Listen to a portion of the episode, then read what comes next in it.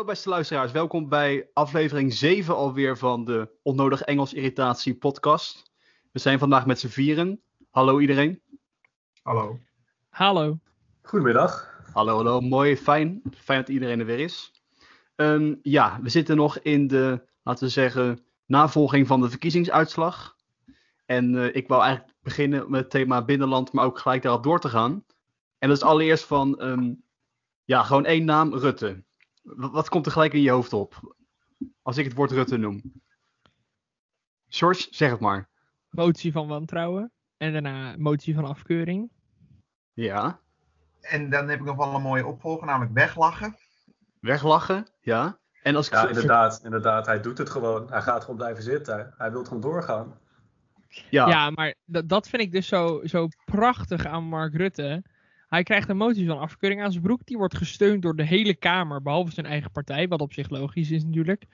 Maar die wordt gesteund door de hele Kamer. En Mark Rutte zegt gewoon: Ja, ik ben strijdbaar en ik ga door. En ik denk echt, Mark, we weten dat je 2 miljoen stemmen hebt gehad. Maar op zich, als de hele Kamer tegen je zegt: hm, Misschien niet zo slim als je doorgaat, is het misschien wel tijd om een keertje te denken: Nou, ik ga het maar niet door dan nu.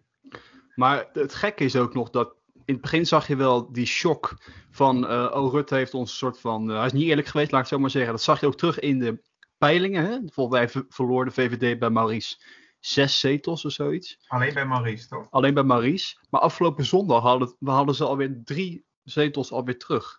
Dus kennelijk, ja, is, de, kennelijk is de kiezer ook nog eens vergevingsvol. Dat ze nog zeggen van, uh, weet je wat, we ja, het is natuurlijk gewoon dat, de, dat het is natuurlijk meer gewoon dat de VVD blijft achter Mark Rutte staan. En zodra de partij erachter blijft staan, gaan de kiezers dat op een gegeven moment volgen, denk ik. Ja, ik denk dat dat klopt inderdaad. Ja, en al die prominenten in de media, die ook even allemaal bombardie ja. hebben. Het was wel ook een soort van pijnlijk hoor. Ik had nog nooit zure VVD'ers gezien, want uh, toen was ik nog niet politiek bewust toen zij verloren. Maar nu, nu zag je ze een keer verliezen en uh, het zijn geen goede verliezers. Nee. Nee, nee, nee. nee maar dat zijn VVD'ers inderdaad niet, Mike. Laten we het daarover hebben. Maar ik had dat nog nooit gezien, dat wist ik niet. Maar het zijn echt hele slechte verliezers. Maar dat, um, ja, kijk, ik, Rutte, maar wat ik dan niet begrijp is dat hij, uh, ik snap natuurlijk dat hij gewoon door wil, want hij wil ook gewoon die, uh, die zoveel jaar premier wil die ook halen. Maar dat hij dan ook niet ziet dat hij hiermee ook heel het formatieproces eigenlijk gewoon heel ongelooflijk lastig maakt. Je zou zeggen, vanuit dat opzicht zou hij misschien ook al denken van, uh, weet je wat, uh, misschien moet ik even een stapje terug doen. Ja, ik denk dat hij dat zeker denkt, maar hij gaat dat nooit zeggen. Want dan, nee, ja, natuurlijk niet. Ja. Dan moet je eigenlijk weggaan. Want uh, als het over formatieproces gaat, uh, Sjors, hoe ziet mm -hmm. Kaag, wat, wat, is nou de, wat, hoe moeten we het inschatten met Kaag en D66? Wel of niet premierschap? Of toch achter de VVD weer lopen? Ik, um denk dat er wel een beetje een stap is gemist, of een mogelijkheid is gemist toen uh, die motie van afkeuring zeg maar, aan Rutte is uh, verbonden. Ja. Want dat was wel echt het moment voor Kaag om te zeggen, nou, uh, jullie weten allemaal dat ik premier wil worden. Nu gaan we puntje bij paaltje ook, gaan we het ook echt doen, zeg maar. Maar ja, dat is natuurlijk lastig, want je bent de tweede partij van Nederland, niet de eerste partij van Nederland. Dus hoe... Um, verwoord je dat dan? Zeg maar. Het is dan gebruikelijker dat zeg maar, de nummer 2 van de VVD bijvoorbeeld dan dus minister-president wordt. Ja, zie jij Tamara van Ark als minister-president? Absoluut niet. Nee, ja, ik denk dat de VVD dat zelf ook heeft ingezien. Um, en dan is Kaag op zich een logische, om het zo maar te zeggen, tweede keus. Maar dan is nog weer de vraag, accepteert de VVD dat als grootste partij? En ja, ik denk dat dat toch lastig wordt, omdat de VVD volledig achter Mark Rutte staat. Het is toch heel simpel, George? Ten eerste trouwens over Tamara van Ark. Zou ik een geweldige kandidaat vinden voor de VVD. Want ze gaan volgens Maurice de Hond 14 zetels verliezen als hij lijsttrekker wordt. Dus prima, top. Vooral Tamara van Ark kiezen. Maar het andere punt is. Als Kaag zich erop staat dat zij premier wordt. En de VVD zegt nee. Dan is het heel simpel. Dan zijn er gewoon nieuwe verkiezingen. En die verliest de VVD op dat moment. De VVD komt nu weer omhoog. Omdat Kaag en Hoekstra allebei niet, niet de keel hebben afgemaakt. Mm -hmm. Anders zaten ze nu nog steeds in de put. Dus Kaag heeft eigenlijk zichzelf gewoon gigantisch in de vingers gesneden. Ik, nou, wat een hele grote kans is, denk ik, is dat ze gewoon een, een kabinet gaan proberen te vormen met eh, iets dat lijkt op nu. Dat ze dat willen houden voor de corona. En dat daarna misschien wel verandering komt. Ja, dat kan best goed. Dat zie ik echt als een reële kans hoor. Dat sluit ook een beetje aan op die, die Mike, die tweet van de, de Haase Insider. Kan je die nog even samenvatten? Wat, wat, wat was zijn idee? Die, tweet over het Israëlische model, of niet? Hoe, wat is het Israëlische model? Dat de eerste twee jaar wordt Rutte premier en de tweede twee jaar wordt Kaag premier. Dat zou dan het compromis zijn. Ehm, en in de tussentijd. Ik ja. moet zeggen dat dat met de dag onwaarschijnlijker lijkt. Want die hele heisa begint nou ook alweer een beetje weg te sterven. Daarom denk ik ook, Jurre, ik weet niet of er echt verandering komt. Want dit is iedereen toch weer vergeten als, uh, als we het kabinet hebben gevormd. Nou, nou, daarna bedoel je? Ja, bij de volgende verkiezing, of hoe lang dat ook mag zijn, is iedereen al lang weer vergeten wat Mark ja, allemaal gedaan heeft hoor. Vooral de kiezers. Nou, nou, tenminste het eerste deel. Ik ben er zeker van mee eens dat er nu geen verandering komt, heel veel. Dat ze gewoon dezelfde kabinet gaan maken. En daarna mm -hmm. ligt het eraan of er nog iets groots gebeurt. Weer een groot schandaal. Dat daarna weer genoeg kan doorgezet worden om Rutte weg te krijgen.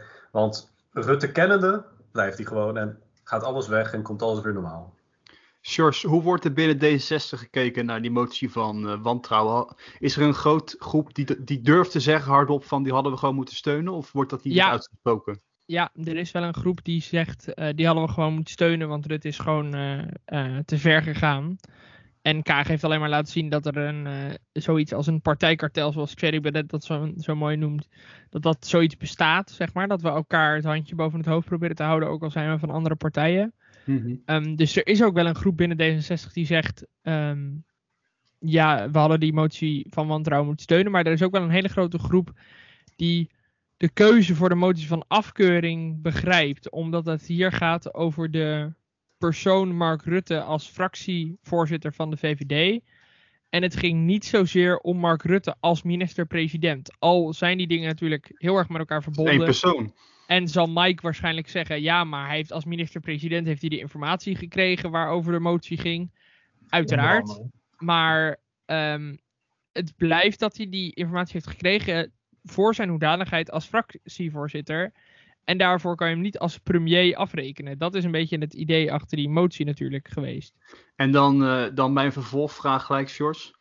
Hoe wordt er gekeken naar die, uh, die handjeklap deal om het Kamervoorzitterschap? is, is ook D66 daar heel erg trots en blij mee? Van kijk, we hebben, het, uh, we hebben het gehaald en we zijn nu Kamervoorzitter. Of wordt er ook gezegd van nou, misschien is dat proces niet helemaal eerlijk gegaan?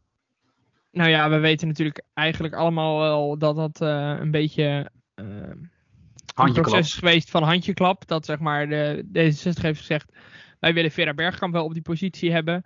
Uh, en de VVD en de CDA en de VVD en het CDA hebben gewoon geen kandidaat uh, opgeworpen. En daardoor was de plek vrij voor uh, eigenlijk voor Vera Bergkamp om Kamervoorzitter te worden.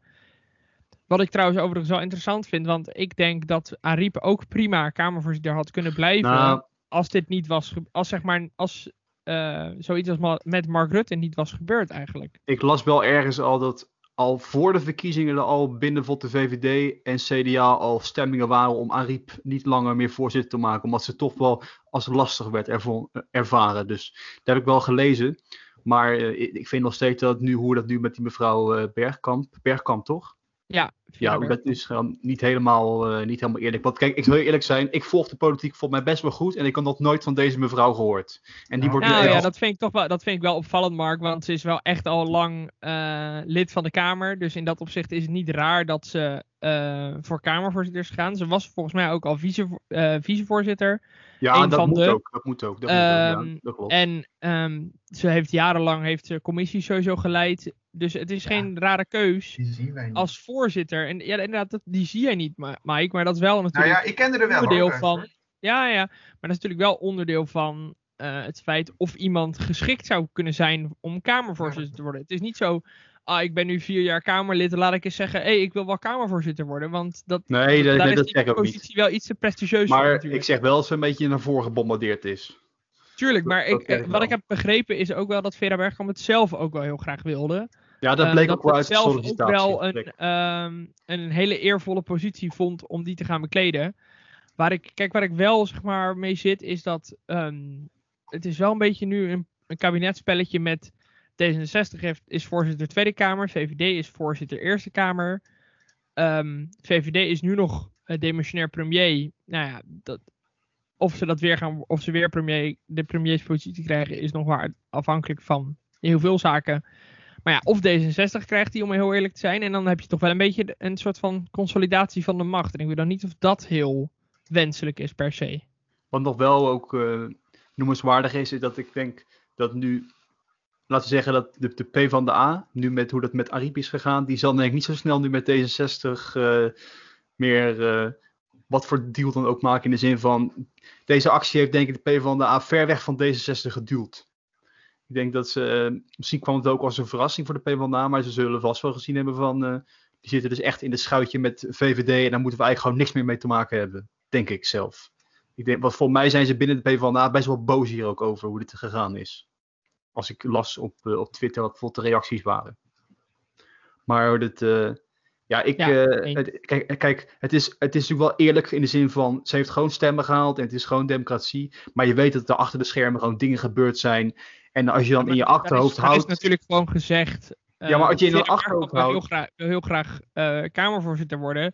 Steunen jullie dit? En dan zeggen de, de, het CDA en de VVD zeggen ja op voorwaarde van dit, dit, dit, dit, dit waarschijnlijk. Ja, maar dat, op zich ben ik daar ook niet geïrriteerd over. Want dat soort achterkamerdeals vinden altijd plaats. Wat mij dan wel tegenstaat is het feit dat mevrouw Kaag allemaal heeft over nieuw leiderschap en, uh, en, en, open democratie en weet ik wat allemaal. En openheid en open van bestuur. En dan gebeurt, doet ze gelijk dit in de, de eerste week. Dat is ja. wat mij meer tegenstaat.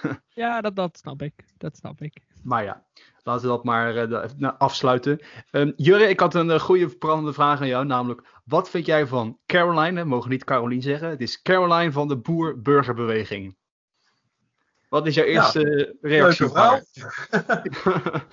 ja, het eerste aantal keren was het wel steeds uh, heel leuke opmerkingen. Van, ja, ik en mijn fractie hebben overwogen. Dat wil zeggen ik. Uh, ja, dat zijn heel frisse, leuke opmerkingen. En wat ik wel grappig vond, misschien heb je het ook opgemerkt, is dat Caroline en Ariep het heel vriendelijk naar elkaar lachten. Die hadden een heel leuke band, denk ik wel. Maar wat ik ook leuk vond aan Caroline is dat um, bij die sollicitatiegesprekken van uh, dat Kamervoorzitterschap hadden alle andere partijen hele ingewikkelde vragen van wat gaat u doen uh, aan open bestuur en hoe kijkt u naar de affaire omzicht.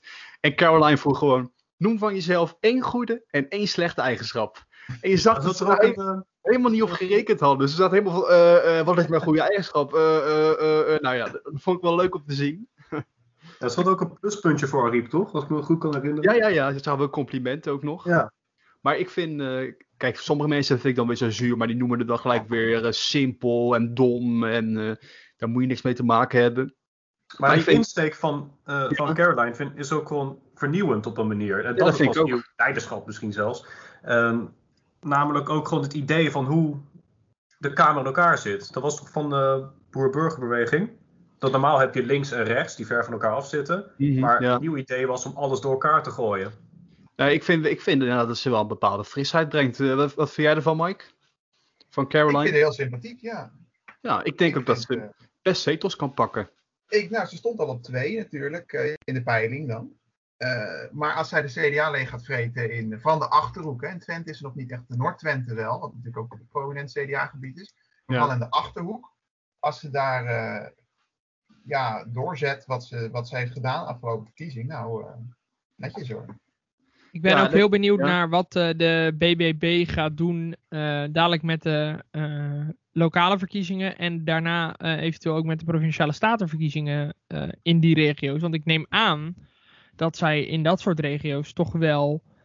Um, goede kandidaten hebben. Ja, goede kandidaten hebben. En ook wel daar op de lijsten zullen gaan komen in uh, die kleinere gemeentes daar. Ja, en wat ik persoonlijk heel benieuwd naar ben, is hoe fel ze. een beetje aan wat ze willen natuurlijk. Hoe, hoe fel ze straks gaat uitpakken als, de, als we debatten gaan krijgen over bijvoorbeeld verkleining van de veestapel. Ja, over, over belastingen op vlees, noem alles maar op. Dan ben ik benieuwd van hoe fel gaat ze zijn. En hoe gaat ze zich positioneren tegenover het CDA? Wil ze daarmee optrekken of gaat ze daar ook zich heel erg hard tegenover afzetten? Maar dat, uh, dat moet nog maar even afwachten. Maar ze brengt hoe dan ook, vind ik, um, een leuke frisheid in, in, de, in de Tweede Kamer. Mike, volgende de onderwerp. Ja, ik, Hiddema, Forum. Wat, Hiddema. Hiddema terug in de, de Eerste Kamer. Is dat een overwinning voor Forum? Ja, uiteraard. Ja, Theo Hiddema is toch altijd legitimiteitspunten nog steeds een man die door heel veel Nederlanders sympathiek wordt gevonden, die door heel veel Nederlanders welsprekend wordt gevonden en intelligent wordt gevonden. En natuurlijk ook mensen die denken van dat is een Remmel Baudet. Ja, dat is uiteraard een overwinning voor Forum. Ehm, hoe, ga, hoe zit het met de publiciteit, omdat hij nu niet in de Tweede, maar in de Eerste Kamer zit? Of denk je dat, dat hij toch nog wel de aandacht naar zich toe kan trekken? Nou, ik denk dat hij dat wat minder wil. En ik denk ook dat, dat hij daarom in de Eerste Kamer gaat zitten. Oké. maar ja. Uh, ja, het is Theo maar natuurlijk zal er aandacht uh, voor zijn. En denk je niet... Ja, ja, zeg maar. Ja, ik denk ook dat hij daar veel beter zit, hè? Ja, denk ik ook. Dat, dat inderdaad. Hij, hij zit daar veel beter voor. Ook, ook voor zijn leeftijd, om heel eerlijk te zijn. Zeg maar. ik vind dat mensen van zo'n leeftijd als Theo Hiddema, maar ook bijvoorbeeld uh, Henk Krol, uh, uh, de vorige periode van de Tweede Kamer. Die, die mensen zijn dan rijp voor de Eerste Kamer, maar die denken nog, nou, ik doe het nog wel in de Tweede Kamer. En dan, ja, bij, bijvoorbeeld bij Theo Hiddema zie je dan gewoon dat, dat hij het gewoon gehad heeft met dat jonge broekie waar hij mee samen zat. En Henk Krol, ja, die wordt gewoon weggestemd. Daar heb wel een beetje zelf naar gemaakt. Ja. ja, tuurlijk, tuurlijk. Maar ik bedoel meer van, ik denk dat Theo Hiddema prima in de Eerste Kamer past. Um, en het is voor Baudet natuurlijk weer mooi om te zeggen, ja, zie je, de partij is wel aan het helen. Dan moet hij wel blijven, hè? Dan moet Hiddema wel blijven. Dat ja, geen onafhankelijke dan, senator worden. Dat zou dan wel uh, heel rot zijn voor Jerry. Ja. Voor, mij wordt, voor mij wordt hij morgen benoemd, hè, trouwens al. Als eerste, oh, als eerste Kamerlid al. Las ik voor mij ergens zoiets. Maar um, wat, dan, wat ik me dan nog afvraag, uh, dat Mike wij volgen bij de Baudet op Twitter. Is hij aan het ontsporen? Um, ja en nee. Ja, in de zin dat hij dingen zegt die hij al eerder geloofde, maar uh, dus, dus hij was dan al ontspoord, zeg maar in de theorie. Um, um, en, en, uh, Op welke onderwerpen?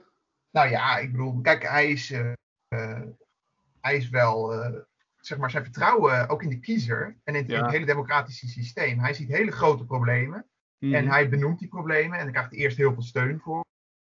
Ja. En dan in zijn ogen wordt hij dan genaaid door de media, die zeg maar de oude orde beschermt en de problemen in stand houdt. En dan denkt het volk, oh ja, we moeten niet op Baudet stemmen. En dan stemmen ze op anderen. En dan is hij gepiepeld, want dan zegt hij, ja, maar die problemen dan, hè, die worden niet opgelost. En nee, en daar is hij boos over. Nou ja, nee, omdat hij, hij ontspoort nu, nu dus niet, maar hij vond dat allemaal al lang. Hmm, ja, oké. Ik, uh, ik, ik, ik, zag hij wel... Is dus al, ja? Hij is in ieder geval ontspoord, dus is jouw conclusie eruit. Ja, het ligt een beetje aan welk beeldbeeld je hebt. Hè. Als je aan zijn kant staat, is hij niet ontspoord. Als je aan, uh, zeg maar, vanuit het centrum er naartoe kijkt, ja, dan is hij compleet ontspoord. Ja, hij durft veel meer te zeggen. Dat is in ieder geval. Dat, dat, dat, dat, merk ik ook. Hij durft dingen nu harder en, te, er, vaker te benadrukken waar hij misschien eerst nog een rem had. Die uh, is hij of kwijt voor wat zichzelf. Misschien omdat hij zelf weer dingen heeft meegemaakt. Wat hij denkt van, uh, nou, ik ben het vertrouwen inderdaad helemaal kwijt in het systeem. Of de mensen om hem heen, die remmen hem niet meer af. Nou, dat denk ik niet. Ik denk dat hij zelf uh, kwijtgeraakt. Ja, zelf. Ik ben ook nou, benieuwd. Acht zetels vindt hij te weinig, hè? Ja, daar was hij ongelukkig mee, natuurlijk. Uh, dat, uh, ik, ja, ik denk, gaat hij iets straks als corona weer een beetje wegtrekt en we gaan weer naar het oude toe. Gaat hij dan op zetels op vooruit of op achteruit? Op achteruit. Op achteruit. Maar het ligt een beetje aan, ja, als hij die mensen vast kan houden op de een of andere manier, dat zal een, een complotmanier moeten worden, want anders gaat het niet lukken. dan niet natuurlijk. Maar wat bijvoorbeeld voor Baudet wel heel erg in zijn voordeel spreekt, is dat uh, onder de jeugd, ja. FVD is de derde of de vierde partij, komt ook door corona. Maar de PVV is bijvoorbeeld heel klein. Dus uh, uiteindelijk heeft Forum, als je echt naar de toekomst gaat kijken, best wel veel potentieel. Alleen uh, of die dan zijn acht zetels bouwt bij de volgende verkiezing is maar een grote vraag. Ja, dat vraag ik me ook af. Sjors, ik wou heel kort het onderwerp benoemen. Maar ik wil er niet heel lang over gaan hebben, want je wordt er erg verdrietig van. Maar wat is jouw reactie op de huidige, ja, ik noem het gewoon vaccinatieramp? Vreselijk is uh, één woord om het te omschrijven. Ik vind het echt bizar dat wij als enige land in de EU denken: ja, we stoppen met uh, AstraZeneca voor 60 min. Want dat is uh, gevaarlijk, et cetera, et cetera. Terwijl de EMA e gewoon zegt: ja, maar het is een geaccepteerd risico dit laat in mijn optiek weer zien hoe erg uh, de jongen uh, en ook misschien wel Rutte, maar vooral hoe de jongen zeg maar um, totaal geen risico durft te nemen in dit coronabeleid in deze fase. En dat, dat stuit me gewoon een beetje op de borst. Ik denk dat daar best wel wat risico in genomen kan worden als je kijkt naar hoeveel wat het percentage is van de mensen die uh, die, die zware klachten krijgt naar aanleiding van zo'n AstraZeneca-vaccin, uh, dan is dat een heel laag percentage. En dan denk ik, ja, de mensen die daar dood aan gaan, to be ja, fair, daar zit waarschijnlijk al onderliggend letsel. Wat ook, kan bijna niet anders. kritiek op was, was het feit dat um, dat er niet nog gezegd is van uh, je mag hem nemen als je het zelf wil. Dat ja, is nog maar de, regering verbiedt het gewoon. En dat, vind ik gewoon, dat, dat is ook waar heel veel bijvoorbeeld ziekenhuismedewerkers boos over waren. Ja. Boos over zijn. Die zeggen gewoon, dit is gewoon het inperken van uh, de vrijheid van eigen keuze. Ja, uh, want ik, ik zag bijvoorbeeld een, een, een, reportage over een mevrouw en die had uh, mobiele obesitas. En die zei gewoon van, ik wil gewoon die prik hebben. En, want ik, voor mij zijn de, de plus zijn groter dan de minst, om zo maar dan het risico. Maar mhm. ik, ik mag het nu gewoon niet. Nee, en, dat, is, dat, is, dat is zo raar. En er blijft, in mijn optiek blijft er nu straks honderden duizenden vaccins AstraZeneca in Nederland liggen. Uh, en moeten we allemaal wachten op die andere vaccins die langer duren in mijn optiek. Uh, en ja, ik denk dat dat echt, uh, dat is echt absurd dat we daarop moeten wachten. Maar goed, we wilden er niet te lang bij stilstaan. Nee, maar ik wilde wel even van, van Jurre weten, want die komt uit de, de regio Den Haag, om zo even te zeggen. Jurre, de terrassen, je, Den Haag is het natuurlijk uh, met de stranden en uh, is natuurlijk een grote mokerslag dat die weer niet open mogen. Wat, wat vind jij daarvan? Nou, als ik soms langs de boulevard loop en daar gewoon kijk hoe alles eigenlijk al klaar staat. Want de, hoe dat werkt in ja, volgens mij de meeste strandgebieden is dat uh, tijdens de winter wordt alles afgebouwd, dus weg. Voor het geval dat er iets overstroomt. Dus de meeste strandtenten zijn er nog niet. En in de lente worden ze weer allemaal opgebouwd. En dat wordt nu ook gedaan. Maar staan ze maar daar. Heel veel terrassen. ja, sommige terrassen, sommige eh, strandtenten die hebben dan al wat werknemers die er staan. Het is open, het ziet er gezellig uit, maar je kan niks doen. Ja, wat ik nog opvallend vond, ik was laatst zelf ook uh, op Scheveningen even een wandelingetje maken. Um, wat, me, wat, ik, wat me opviel is dat er ook een paar ondernemers daar gewoon in de omgeving zijn die um, toch proberen er een soort het beste van te maken. Door dan uh, mensen die op het strand zaten, bijvoorbeeld met die mooie dagen van 22 tot 24 graden, hè, de, van vorige week ja, ja. ervoor. Een paar weken terug. Ja, een paar weken terug. Um, dat ze dan gewoon wel een dienblaadje meegeven waar dan het drinken op staat. En dat mensen dat dan ook weer ter kunnen teruggeven. En dat alle drinken is gewoon in blikjes en met plastic glazen. Dus dat is helemaal corona-proof. Uh, en het mag ook allemaal gewoon. Het is eigenlijk gewoon to go. Alleen ja, ze geven dat dienblaadje er dan bij, zodat mensen het nog terug komen brengen. En dat ze nog even een praatje kunnen houden. Um, dus dat vind ik dan ook wel weer interessant. Dat er wel ook een beetje de grijzige gebieden worden opgezocht. En dat het dan ook toch wel, dat je ziet dat dat in grote steden dan toch wel wordt geaccepteerd. Omdat het ja, een vorm van controle is op, ja. uh, op de mensenmassa's. Ja, wat ik zelf. Wel. Wat ja. ook vooral aan de boulevard zo is, is dat je, je hebt aan de op het strand heb je strandtenten, maar op de grote boulevard heb je ook heel veel tenten die er altijd staan, heel veel restaurants. En daar is centraal bijna geregeld, ik weet niet hoe het is geregeld, maar er staan allemaal dezelfde soort uh, ja, kraampjes waar je iets kan afhalen. En er zijn, als het heel even, heel klein beetje warm is, is dat hele boulevard helemaal vol. Uh, ja, een hele strand, dat kan ik er ook zelf langs zien, langs mijn eigen weg. Ik woon net niet aan het strand, net aan de andere kant. Dus ik al die auto's en motoren langskomen. Dat is al een jaar gaande dit. Wat ik zelf uh, nog wil zeggen om het uh, af te sluiten is. Um, kijk, uh, dat die terrassen nu niet open mogen omdat, omdat het ken ik nog niet over de piek zijn. Daar kan je ook wel heel veel over zeggen, want ik denk dat het best veilig kan. Maar dat is een andere zaak. Wat ik heel erg vind is dat het feit dat er beloftes worden gedaan in het kabinet. Misschien niet beloftes, maar er worden verwachtingen uitgesproken al die ondernemers gaan daarop anticiperen. Die gaan zich weer een beetje opvrolijken. Die denken, hey, over twee weken mag het, mag het. En uh, misschien zelf weer wat voorraad inkopen en de stoeltjes buiten. Noem alles maar op. En dan hoppa komt er weer uh, Hugo de Jonge van, ja, sorry, het mag niet. Ik denk van, dat moet je dan niet doen. Hè. Je moet dan niet aan mensen dat soort halve beloftes gaan maken. Nee, je moet het inderdaad, dat ben ik met je eens. Je moet dat niet, uh, want dat le lekken van kabinetsnota's, et cetera, dat gebeurt vaak heel bewust, heb ik het idee. En ik vind het dan inderdaad heel, heel schrijnend dat daar, dan, dat daar dan drie dagen later op wordt teruggekomen. Omdat er blijkbaar te veel hype ontstaat onder de bevolking. Ja. Um, maar dat had je kunnen verwachten. Iedereen is toe aan. Ja, dat, dat uh, vind ik heel naar voor die ondernemers. Dat vind ik heel naar voor ja, die mensen. Ja, inderdaad. Maar echt, echt ondernemers in de horeca zitten echt vast nu. En daar wordt gewoon, die worden alweer het been geschoten voor de 500ste ja, keer. Dus ik zeg uh, Hugo de Jonge aftreden. We gaan, oh, naar het, uh, we, ga, we, gaan naar het volgende grote thema, dat is buitenland. En dan wil ik het als eerst even kort hebben over de zogenaamde Sofa-gate. Um, wat is er gebeurd? Er was een meeting, een belangrijke EU-meeting tussen Turkije en de Europese Unie. De Europese Unie stuurde naar Istanbul twee van haar toch wel kopstukken, hè, Sjors, mag ik wel zeggen. Zeker. Namelijk Jean-Michel en natuurlijk mevrouw von der Leyen. Um, als eerste vraagje vooraf. Leyen, wie, van, wie van die twee is nou hoger, om het zo te zeggen? Um, is er, zit er echt hiërarchie in? Of? Ja, Charles Michel staat in theorie boven uh, Van der Leyen. Um, omdat de voorzitter van de Europese Raad staat boven die van de Europese Commissie. De Europese Raad is het in theorie het hoogste orgaan, want die nemen de laatste beslissingen. Maar ik vond het wel schrijnend dat de voorzitter van de Europese Commissie, wat jarenlang een van de hoogste organen is geweest, mhm. ehm, dat die geen stoel krijgt. Ja, kijk, want daar gaat het om. Hè? Er was een, echt opvallend. Want... Er was een persmoment met alle camera's erbij.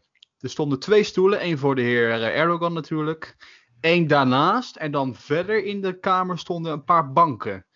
En... Ja, en het is schrijnend dat een, de voorzitter van de EC op zo'n bank moet gaan zitten. Want eh, om heel eerlijk te zijn, was dit voor Erdogan het moment geweest om zichzelf in het midden te plaatsen van die twee. Ja, dat heeft hij nu eh, gedaan. Ja, natuurlijk, natuurlijk heeft hij, zich, hij heeft zichzelf ook omhoog gegeven, maar hij had ook zichzelf in het midden kunnen zetten. Ehm, op drie stoelen en dan zichzelf in het midden. Dat laat ook iets zien namelijk, want dan, dan ben je ook stort. Jij bent het middelpunt. Het gaat om Turkije. Het gaat niet om de EU. Die staat er buiten. Even dat was ook, ook heel eh, sterk geweest in mijn Wat ook niet netjes is dat Jean-Michel natuurlijk niet is opgestaan. Is niet gaan opstaan voor mevrouw uh, van der Leyen. Alleen al uit het oppunt van, uh, van gewoon je, hè, van hoe je bent opgevoed om het zo even te zeggen. Dat je dan haar laat zitten. Om het zo maar te zeggen. Maar dat is moeten opletten. Dat ook. dat er geen stoel voor haar is. Dan ga je toch ook niet zitten. Nee, daar zeg je nou inderdaad wat van. Dat, uh, dat heb je ook wat. Ja, en, en, Charles Michel stond een beetje te lachen. Haha, oeps, zo, er is geen stoeltje. Ja, ik las op twee dagen terug dat hij zich ook doodschaamt, hè, voordat hij niks gedaan heeft en dat hij ja. niet van de Leiden heeft laten zitten. Dat hij, dat hij daar wakker van ligt, zei, zei hij zelf.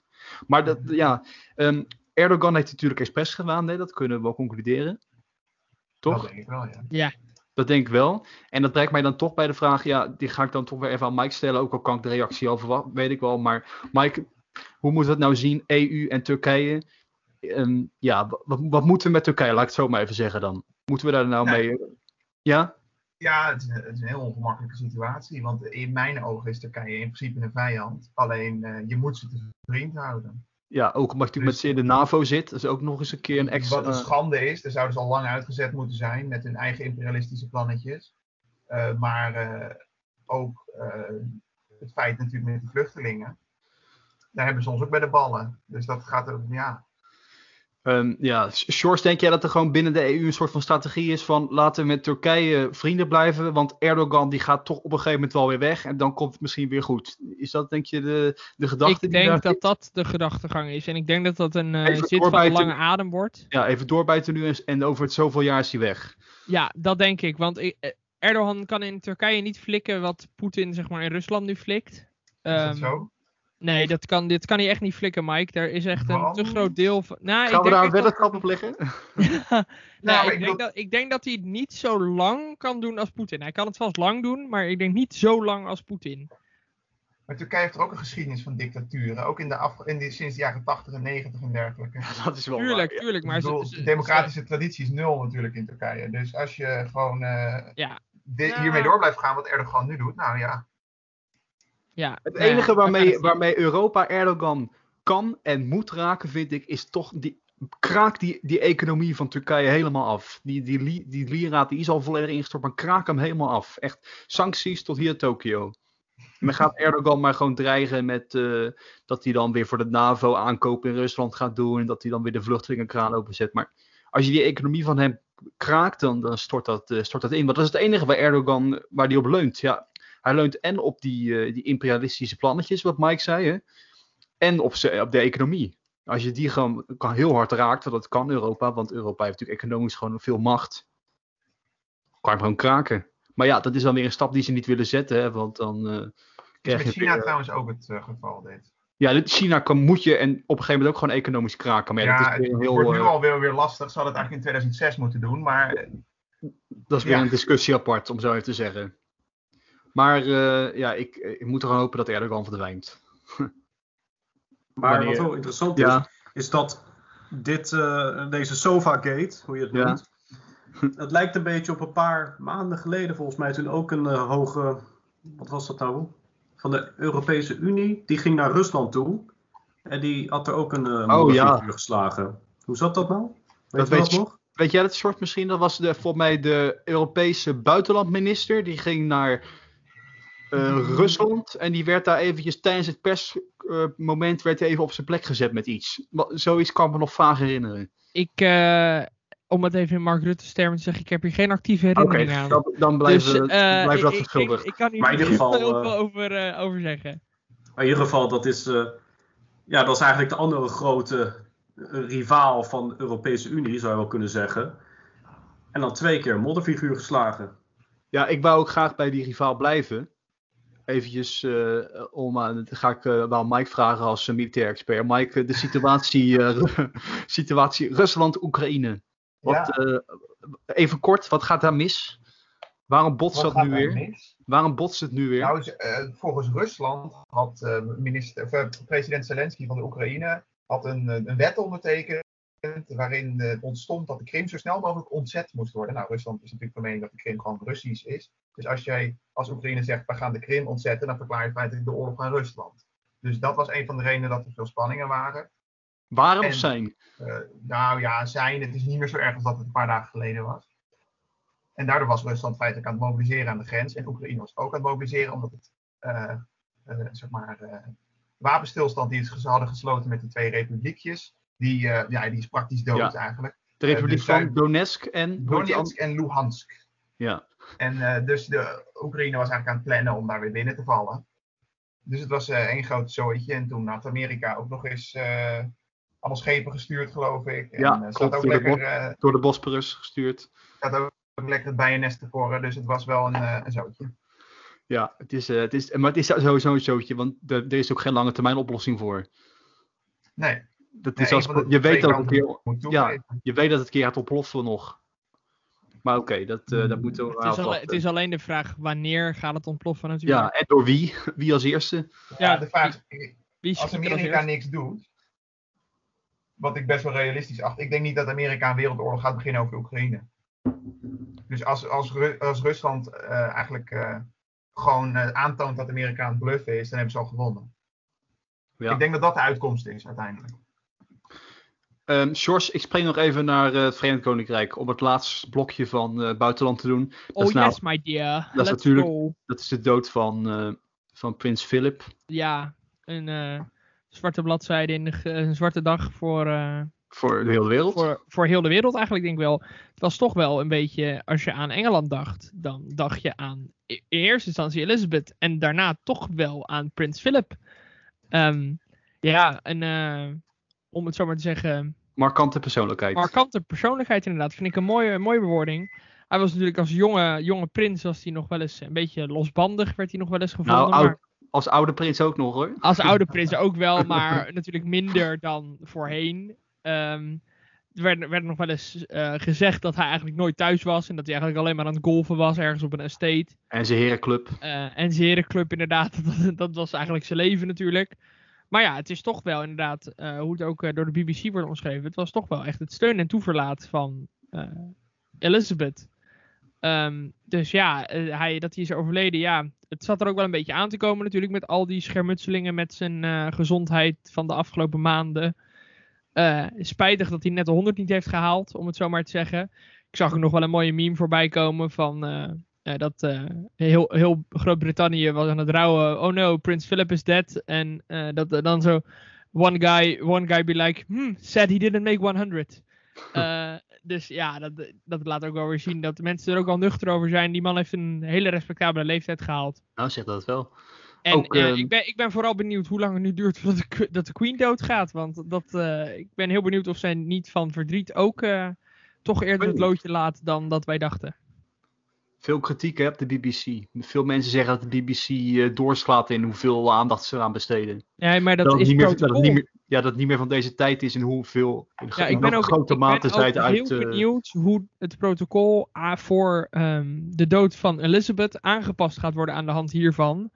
Maar ja, het is protocol dat, en ik denk het ook heel weinig inderdaad, Mike. Um, maar het is protocol dat uh, tot de, uh, totdat hij is begraven. Dat is uh, vrijdag. Gaat eigenlijk de, ja, nee, zaterdag zelfs. Zaterdag, oké. Okay. Um, de, hele, de hele BBC gaat tot die tijd alleen maar over Philip. En het is alleen maar ook herhaling op herhaling op herhaling. Ja. En het normale nieuws wordt wel gebracht, maar allemaal heel kort en zo snel mogelijk weer terug naar, oh, Prins Philip is dood.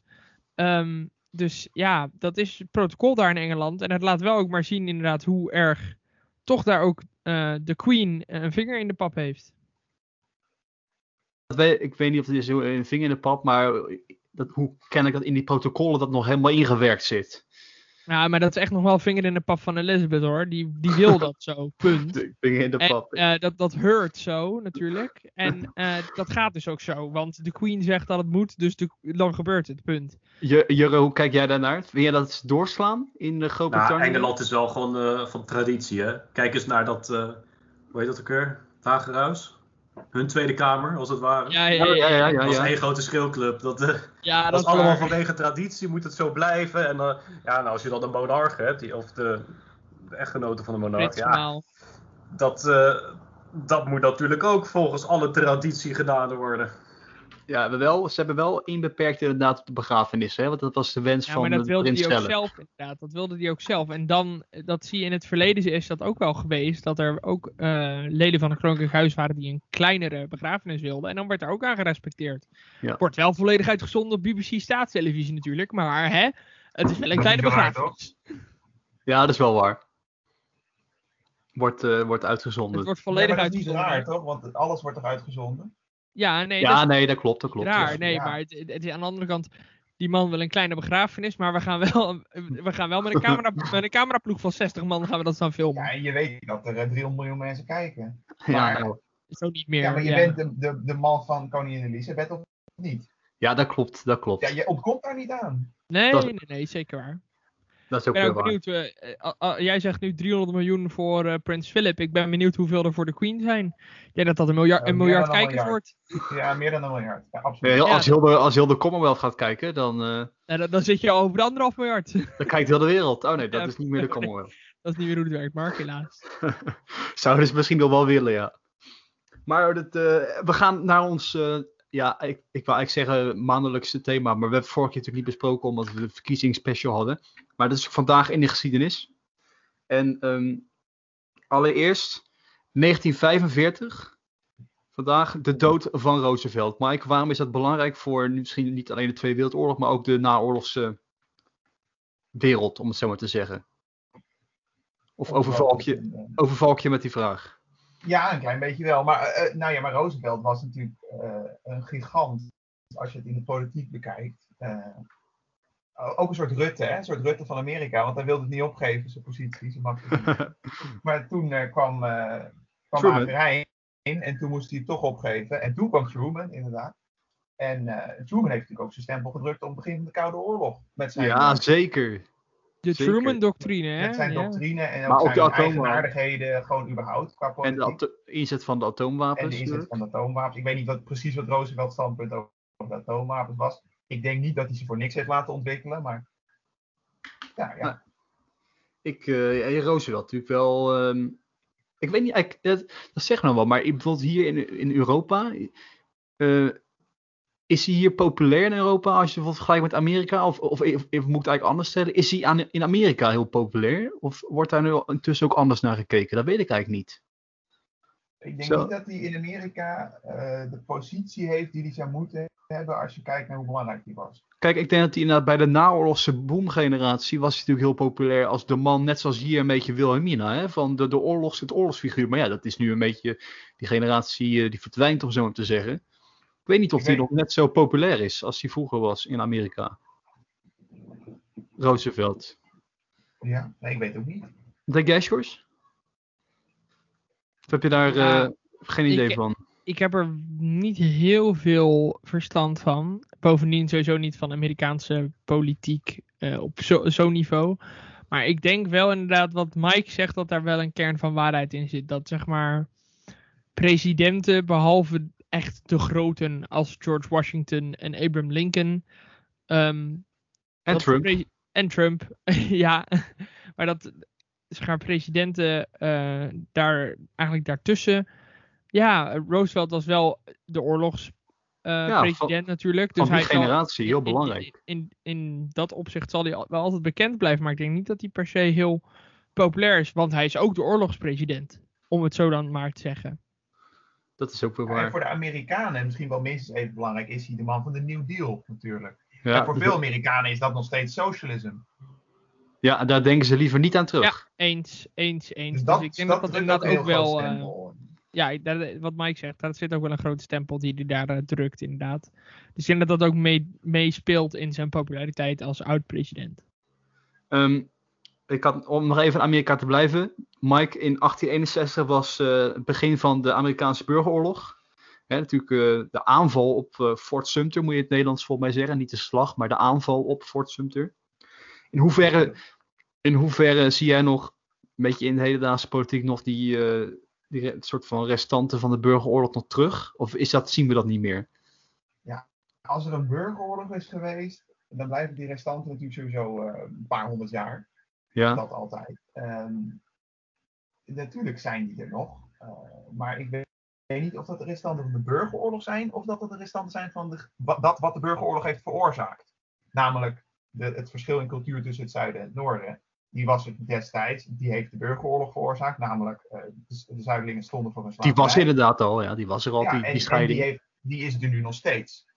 Natuurlijk speelt die burgeroorlog daar wel nu ook een rol in. Want dat is onderdeel geworden van dat cultuurverschil. Ja. Daarom had je bijvoorbeeld die, die, uh, die zuidelijke vlag. Dat was uh, een soort cultuurvlag geworden. Die is in de afgelopen jaren pas weer in de bal gedaan. Met het, met in de bal gedaan, omdat die verbonden werd steeds sterker met uh, de geschiedenis. dus dat soort dingen, ja, dat, dat speelt nog wel een rol. En de, de, de politiek natuurlijk speelt het een rol in, zin dat, in de zin dat het zuiden uh, destijds democratisch was, nu republikeins. Mm -hmm. uh, en, en andersom, dat het noorden destijds republikeins was, nu democratisch. En dat dat, uh, dat, dat verschil ook op verkiezingskaarten zo heel duidelijk zichtbaar is. Nog steeds? Ja, nog steeds. Ja, dat ja, is wel een beetje te verschuiven. Ja, maar niet, niet zo snel natuurlijk, staten, hè, Mike? Wat nee, zei je, In bepaalde staten wat, George? Nee, ik zei in bepaalde staten. Oh, sorry, ja. In, in bepaalde staten in het zuiden heb je uh, dus zeg maar uh, heel veel zwarte. En die stemmen uh, allemaal democraten, bijna allemaal democratisch, 90% of iets dergelijks.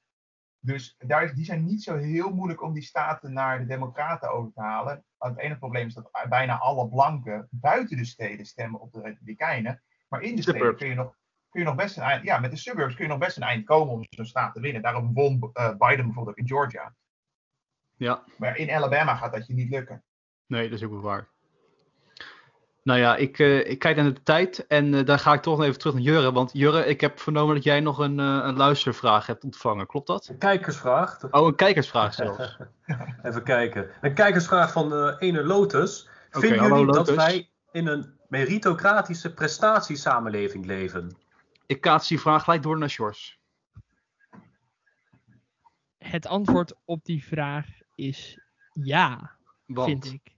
Waarom dan? Nou ja, uh, en ik vind niet per se dat het een slecht ding is, maar uh, vooral het stukje prestatiesamenleving. Hoe meer jij presteert in Nederland, hoe hoger je op de maatschappelijke ladder komt. Uh, ja, is dat zo? Krijg je dan in de zin van ja. bedrijfsleven of politiek? Hoe moeten we dat zien? Alles allebei. Uh, als je in de politiek goed presteert, dan uh, schop je het sneller tot uh, fractievoorzitter en eventueel minister-president. Als je in het bedrijfsleven goed presteert, dan schop je het eerder tot een managementfunctie in Nederland. Bovendien, als je op jonge leeftijd al goed presteert, door dus bijvoorbeeld universitair te studeren, dan heb je automatisch meer kans op betere banen dan iemand die MBO doet. Wat okay. niet per se zo zou hoeven te zijn natuurlijk. Maar als we het even op de politiek houden. En ik kijk naar uh, de fractievoorzitters van, uh, van de grootste partijen. Dan denk ik niet ga ik aan een uh, meritocratie, om zo te zeggen. Als ik een Kaag zie met al haar opleidingen en achtergrond. Een Hoekstra als Minerva-voorzitter. Rutte met zijn opleidingen. Is dat, is echt, wel, dat is toch wel prestatiesamenleving? Ja, is dat, is dat, heeft dat dan niks ook mee te maken met een beetje de achtergrond waar zij vandaan komen? Dat ze daardoor als het ware al een voordeel dat hadden? Dat heeft in een, merit, dat heeft in een meritocratie, gaat het toch sowieso om waar je vandaan komt? Of zie ik dat Nee, het gaat toch nee, om het gepresteerd. Om, om, wat je persoonlijk doet. Ja, het gaat... Dat, hm. Mijn antwoord zou ook nee zijn. Want? Om, omdat, uh, omdat uh, dat is laatst nog gepubliceerd. Die, uh, hebben, jullie, hebben jullie die gezien, die kansenkaart? Dat heb ik niet gezien. hoeveel kans je hebt in Nederland als je op een bepaalde plek opgroeit om een bepaald iets te halen. En, daar kwam ook gewoon uit voort dat ja, in sommige gemeentes, als jij opgroeit in een arm gezin in die gemeente, is de kans dat jij ergens gaat komen heel klein. Ja. En dat is niet meritocratisch. Nee, dat vind ik ook. Die, die, dat, ze verstrekken dus gewoon vanaf een heel ander punt. Wat, uh, sorry, uh, Jurre, wat vind jij zelf als antwoord? Nou, wat je nog zou kunnen zeggen is, gaat het nou per se om wat je echt behaalt? Of wat voor netwerk je gaat maken?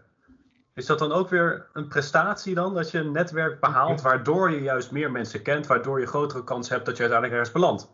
Dat je iemand kent. Maar ja, als jij graaf uh, pub bent, dan heb je al van je geboorte een heel groot netwerk. Om zo dat te helpt zeggen. natuurlijk mee. Dan komen de mensen juist op jou af. Nou, ik denk dan gelijk aan mijn vader. Mijn vader die uh, uh, als jazzmuzikant en die had een ontzettend groot netwerk. Waarom? Omdat hij gewoon geïnteresseerd was in de muziek.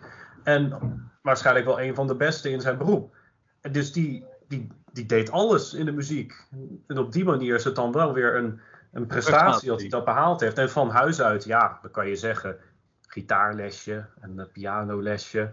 Maar dat was geen muzikantenfamilie hoor.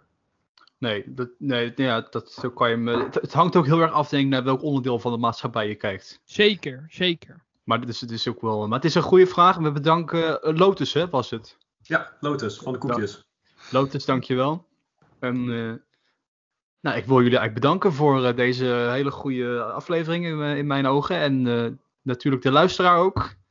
En ik graag iedereen bij een, zie ik graag bij een volgende aflevering.